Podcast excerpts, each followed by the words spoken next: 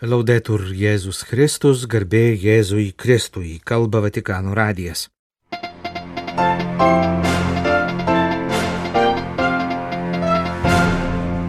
Bažnyčiai reikia kuriejų, kurie padėtų matyti gyvą į Jėzų, sakė popiežius šeštadienį priimdamas poetus, rašytojus ir dramaturgus dalyvavusius tėvų jėzuitų surinktoje konferencijoje. Popiežius davė interviu Junktinių Amerikos valstijų ispanakalbiui televizijos tinklui. Pokalbėje nemažai dėmesio skirta Rusijos karo prieš Ukrainą nutraukimo būtinumui. Toliau mūsų laidoje kalbėsime apie seseris vienuolės, kurios padeda ukrainiečiams pabėgėliams. Laidos pabaigoje sėkminių iškilmės žodžio liturgijos skaitinių komentaras. Oggi la Chiesa ha bisogno della vostra genialità, perché ha bisogno di protestare, chiamare e gridare. Šiandien bažnyčiai reikia kuriejų sumanumo, nes jai reikia protestuoti, šaukti, reikti, pasakė popiežius Pranciškus, kreipdamasis į poetus ir rašytojus, scenaristus ir režisierius. Popiežius šeštadienio gegužės 27 dienos audiencijoje kreipėsi į suvažiavimo pasaulinė katalikiškosios vaizduotės estetika, kurį surengė katalikiškas Georgetowno universitetas ir Jėzaus draugijos Romoje leidžiamas žurnalas La Civilta Katolika dalyvius. Pranciškus Argentinoje buvęs literatūros mokytojas kalbėjo apie grožinės literatūros svarbę vietą jo gyvenimo, taip pat pašaukimo apsisprendimuose rašytojų kūriniai padėjo geriau suprasti save, pasaulį, žmonės, žmogaus sielą ir asmeninį tikėjimo gyvenimą, net pasturacinį darbą ir dabartinę mano tarnystę, sakė Pranciškus. E. Meno žmonės savo akimis ne tik mato, bet ir svajoja. Iš tiesų jie gali net Dievo balsą išpešti iš laiko balso, pažymėjo Pranciškus cituodamas teologą Karlą Ranerį. Jūsų akys girdi, pridūrė Pranciškus paminėdamas garsų prancūzų rašytoją Polą Klodelį. Pažymėjęs, kad menas yra priešnodis skaičiavimo ir standartizavimo mentalitetui, taip pat iššūkis mūsų vaizduotėjai, būdui matyti ir suprasti tikrovę, popiežius patikino, kad Evangelija yra iššūkis menui Joje glūdi revoliucinė jėga, kurią jūs esate pašaukti išreikšti balsu, kuris yra protestuojantis, apeliuojantis, šaukiantis. Šiandien bažnyčiai reikia jūsų sumanumo. Kuriejai taip pat yra nerimestingosios žmogaus dvasios balsas. Kaip žinia, meninis įkvėpimas yra ne tik godžiantis, bet ir verčiantis sunerimti, nes apima tiek gražiuosius, tiek tragiškosius tikrovės aspektus. Todėl meno pasaulis, anot teologų Romano Guardiniai, yra puikiai dirba tikrovės priešingybėms išreikšti kūrybingais žodžiais, galinčiais perduoti stipres žinias ir vizijas, pavyzdžiui, kaip Dostojevskio kūriniuose, tęsė Pranciškus, paminėdamas kelis savo pamėgtus autorius ir veikalus.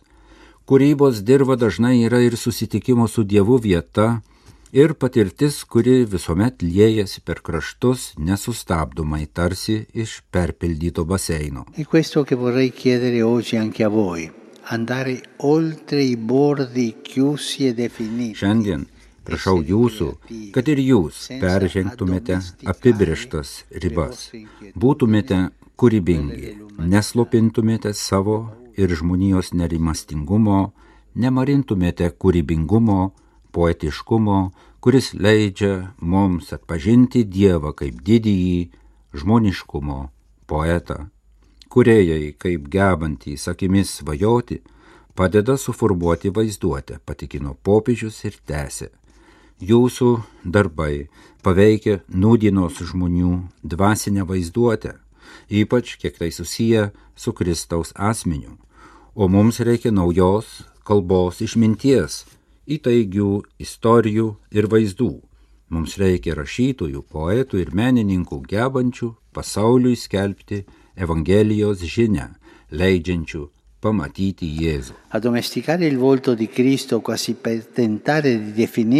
Prisijaukinti Jėzaus veidą, jį apibūdinti ir apriboti pagal mūsų pačių sukurtas savokas reiškia sunaikinti jo atvaizdą.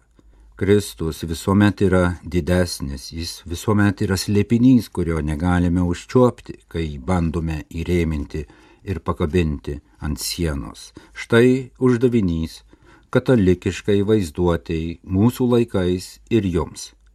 Neaiškinkite mums Kristaus slėpinį, kuris yra neišsemiama tikrovė, o leiskite jį paliesti, pajusti jo artumą, perduokite jį kaip gyvą tikrovę, kad galėtume priimti jo pažado grožį, naujų būdų svajoti savo gyvenimą ir žmonijos ateitį.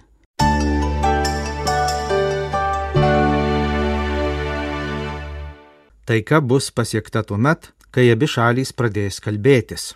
Taip apie Rusijos karo prieš Ukrainą užbaigimo galimybės galvoja popiežius Pranciškus.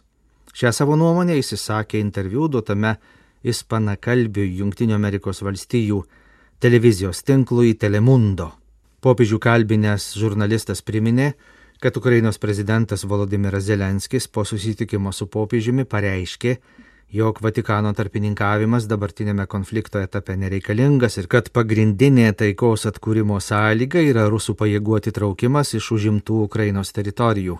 Popiežius paaiškino, kad svarbiausias dalykas, kurio per pokalbį Ukrainos prezidentas prašė popiežiaus, buvo padėti sugražinti į Ukrainą vaikus, kurie buvo išvežti į Rusiją.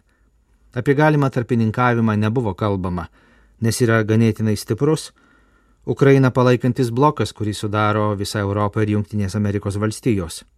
Prezidentas su dideliu susirūpinimu kalbėjo apie į Rusiją išvežtus vaikus ir paprašė pagalbos, stengiantis juos sugražinti į Ukrainą, sakė Pranciškus.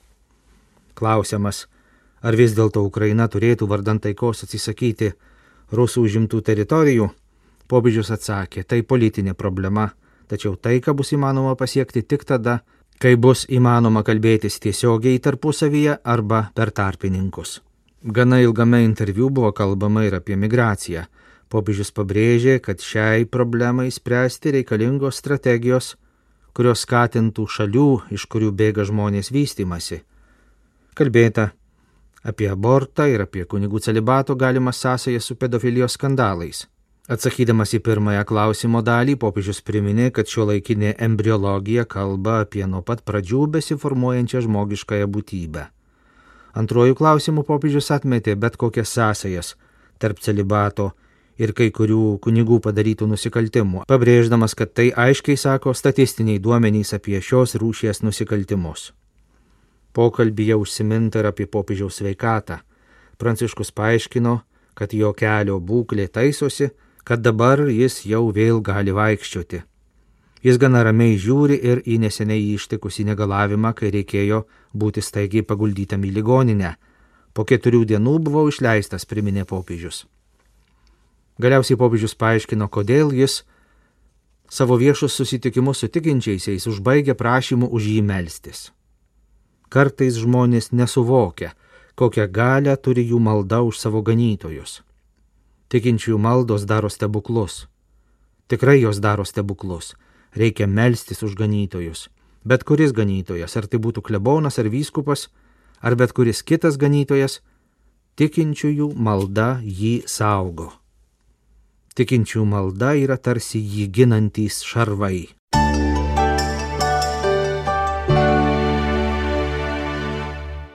Pirmomis karo Ukrainoje dienomis nekaltai pradėtosios mergelės Marijos tarnaičių vienuolynė netoli Peremislio, vos už 12 km nuo sienos, prieglapsti rado virš 2000 žmonių pasitraukusių iš Ukrainos.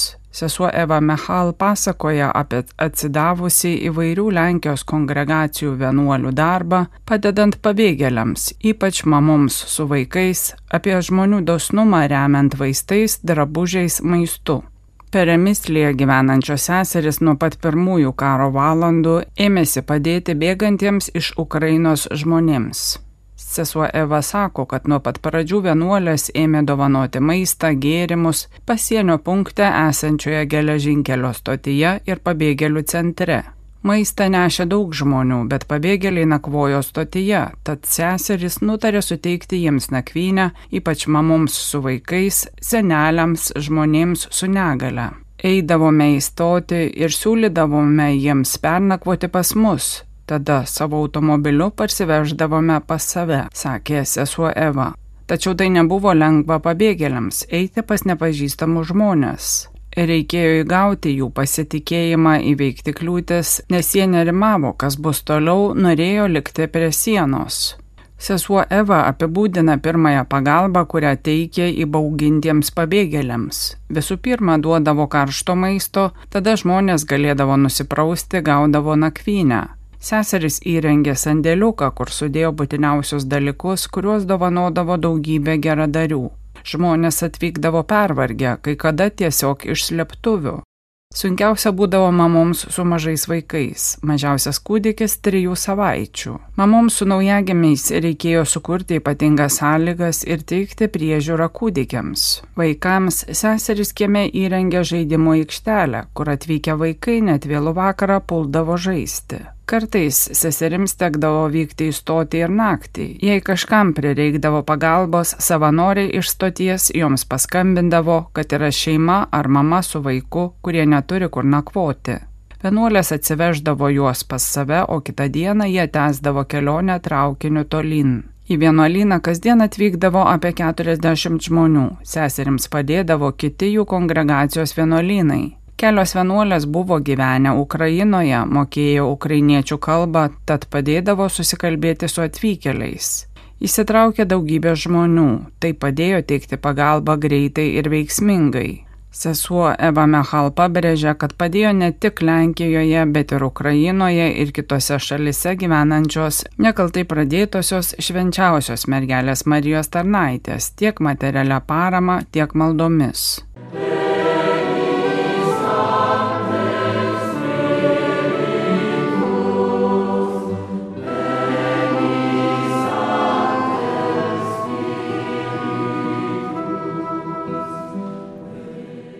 Šventosios dvasios atsiuntimas sėkminės iš apaštalų darbų. Atėjus sėkminių dienai visi mokiniai buvo drauge vienoje vietoje. Staiga iš dangaus pasigirdo užėsys, tarsi kilus smarkiam vėjui. Jis pripildė visą namą, kur jie sėdėjo. Jiems pasirodė tarsi ugnies liežuviai, kurie pasidalyja nusileido ant kiekvieno iš jų. Visi pasidarė pilni šventosios dvasios ir pradėjo kalbėti kitomis kalbomis, kaip dvasia jiems davė prabilti. Jeruzalėje gyveno maldingų žmonių iš įvairių tautų. Pasigirdus tam užėsiui, subėgo daugybė žmonių. Jie didžiai nustebo, kiekvienas girdėdamas savo kalbą juos kalbant. Lyg nesavi ir nustėrė jie klausinėjo, argi va šitie kalbantys nėra galilėjiečiai. Tai kaipgi mes kiekvienas juos girdime savo gimtają kalbą. Mes partai, medai, elamiečiai, Mesopotamijos, Judėjos ir Kapadokijos, Ponto ir Azijos, Frigijos ir Pamfilijos, Egipto bei Libijos pakraštio ties Kirėnė gyventojai, ateiviai romėnai, žydai ir prozelitai, kretiečiai ir arabai, mes visi girdime juos skelbiant įstabius Dievo darbus mūsų kalbomis. Skaitome sėkminių iškilmės Dievo žodžių liturgijos komentarą. Dievas mumyse kurį mums parengė monsinjoras Adolfas Grušas. Pasiekėme Velykų laiko pabaigą. Nuo to paties svarbiausio sekmadienio praėjo 50 dienų. Istorinio Jėzaus ir jo pasirodymų metas baigėsi, prasideda bažnyčios metas. Atėjo mūsų eilė. Jėzus žengdamas į dangų paprašė mokinius tęsti tai, Ką darė jis pats - skelbti gerąją naujieną apie žmonės mylinti Dievą. Tai išgirdę paštalai buvo išsigandę, nusivylę ir klausė patys savęs, kas bus dabar. Mes taip pat neretai atsidūrėme panašioje situacijoje ir klausėme, kas bus dabar. Mums reikia pagalbos. Mums reikia Dievo meilės, šventosios dvasios Galbūt ne vienas iš mūsų dar mėgintų prisiminti tai, ką buvo išmokęs, primdamas sutvirtinimo sakramentą, apie tą nepažįstamą jį, šventąją dvasę. Tačiau dvasiai svarbu, kad ją atpažintume iš to, ką ji daro, o ne iš to, kas apie ją sakoma. Šventoji dvasia yra ne daiktas, bet asmuo - buvimas. Nes taip pat ir meilė yra asmuo - buvimas. Mes negalime apibrėžti meilės. Sėkminių dieną paštalai padarė kokybinį šuolį. Materialinė prasme jie nebematė Jėzaus, kaip anksčiau, tačiau dvasiniu lygmeniu jie turėjo į savyje kaip meilę, drąsą, aistrą. Sėkminės tai kvietimas kiekvienam žmogui materialiąją pusę paversti dvasinę. Tiems, kurie turi dvasę savo širdyse, viskas yra dvasiška. Viskas materialu tiems, kurie nenori savo širdžių kelti aukštyn. Dvasinis nereiškia atsiskyręs nei iš šio pasaulio. Kai įsivaizduojame dvasingą žmogų, galvojame apie vienuolį, atsiskyrėlį, visą dieną praleidžiantį maldoje, nebendraujantį su niekuo, išskyrus dvasinės būtybės. Iš tikrųjų, dvasingas žmogus nėra tas, kuris daug meldžiasi, užseima religiniais dalykais, lanko bažnyčią ir atlieka daug piligriminių kelionių, bet tas, kuris gyvena tuo, kas yra jo viduje. Dvasia tai gyvenimo būdas, kuriuo Dievas gyvena mumyse. Viskas yra materija arba viskas yra dvasia. Tai priklauso nuo to, ką mes matome. Materija yra duona, kurią dedame ant altoriaus. Dvasia yra tada, kai toje duonoje matome Kristų. Materija yra tada, kai rytą išvelgiame tik dar dienos darbus. Dvasia yra tada, kai matome dar vieną mums suteiktą galimybę mylėti ir būti mylimiems. Pats gyvenimas turi būti siaubingai materialus arba nuostabiai dvasinis. Tai priklauso tik nuo mūsų širdies. Per sėkmines pats Dievas atrodytų tampa kitoks. Tai nebe Dievas prieš mus, kurį išpažino Senojo testamento sėkėjai. Ne tik Dievas su mumis, Emanuelis paskelbtas Naujajame testamente, bet Dievas mumyse. Kaip gražu, mes tapome Dievo namais. Nuo tos dienos mes nebedarysime darbų dėl Dievo bet galėsime daryti Dievo darbus. Jėzus nebeduos jokių nurodymų, ką reikia daryti, nes Evangelija nėra elgesio instrukcija. Dešimt Dievo įsakymų konkrečiai nurodė, ką turime daryti ir ko nedaryti. Aštuoni krikščioniškiai palaiminimai nurodė kelią, kryptį, kurią turime eiti. Tačiau Dievo dvasios ateimas reiškia, kad dabar galime gyventi kaip Dievas. Būtent ta dvasia vadovauja bažnyčiai, nepaisant to, kad žmonės daro viską, kas įmanoma, kad tik jai sutrukdytų. Galime būti tikri, dvasia ir toliau dvelks. Reikia tik leisti, kad ji mums vadovautų.